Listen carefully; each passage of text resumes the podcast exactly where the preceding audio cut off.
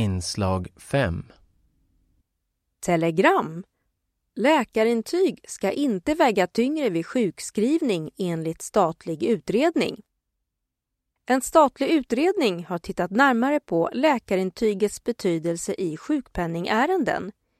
Idag kan Försäkringskassan och sjukvården göra olika bedömningar av den sjukskrivnes arbetsförmåga. Utredningen föreslår att läkarintyget utvecklas så att det blir mer ändamålsenligt. Till exempel så kan det finnas möjlighet till enklare läkarintyg för sjukskrivningar som bedöms bli kortvariga. Försäkringskassans metoder för bedömningar behöver också utvecklas så att de blir mer enhetliga. Utredningen menar också att läkarutlåtande har en tillräckligt stor tyngd gentemot Försäkringskassan men att det behövs mer kunskap och informationsutbyte mellan de olika aktörerna. Utredningen är en del av det arbete som den förra regeringen påbörjade för att öka den ekonomiska tryggheten för sjuka och kommer att gå ut på remiss nu. Gröna bladgrönsaker skyddar vid hjärtinfarkt. Nu visar en ny studie att röda blodkroppar som transporterar syre från lungorna till alla celler också skyddar mot hjärtskada vid hjärtinfarkt. Den här effekten förstärks om man äter gröna bladgrönsaker som innehåller höga halter av nitrat som till exempel rucola, spenat eller broccoli. Det kan ha stor betydelse för patienter med risk för hjärtinfarkt, säger forskaren Yang Ning Yang vid Karolinska institutet till Dagens Medicin. Han är en av forskarna för studien.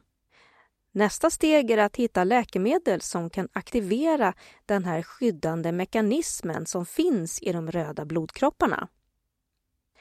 Det är stora skillnader i regionerna om man har en fast läkarkontakt eller inte. Socialstyrelsens nya uppföljning av omställningen God och nära vård där ett av målen är att minst 55 procent av invånarna i regionen ska ha en fast namngiven läkarkontakt visar att knappt hälften av regionerna uppnår det. Variationerna är stora, från 7% i Kronoberg till 96% i Västra Götaland. I Region Stockholm har 66% en fast läkarkontakt. Vi avslutar med offentlig konst. Den upp och nervända eken har landat på Drottninggatan igen.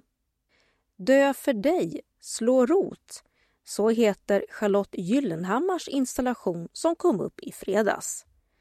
Det är en tre ton tung upp och nervänd ek från Ljusterö som hängts upp högt i luften mellan husfasaderna Åhléns och H&M på Drottninggatan. Det här verket gjorde hon första gången för 30 år sedan. Då hade trädet inga löv, men den här har de gröna bladen kvar.